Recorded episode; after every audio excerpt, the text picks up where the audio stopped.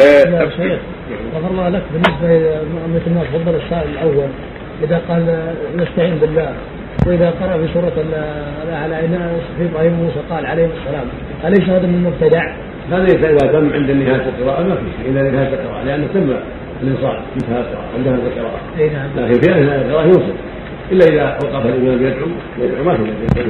اما ما دام منها موسى مستمرا فالله يقول سبحانه واذا قرئ القران فاستمعوا وانصتوا النبي صلى الله عليه وسلم يقول اذا قرأ فانصتوا وهكذا في تهجد بالليل اذا دعا وراه احد من التراويح او من القيام اذا دعا يدعو من خلفه السر واذا استمر ينصت لعله يستجيب. شكرا بارك الله وفق الله وجل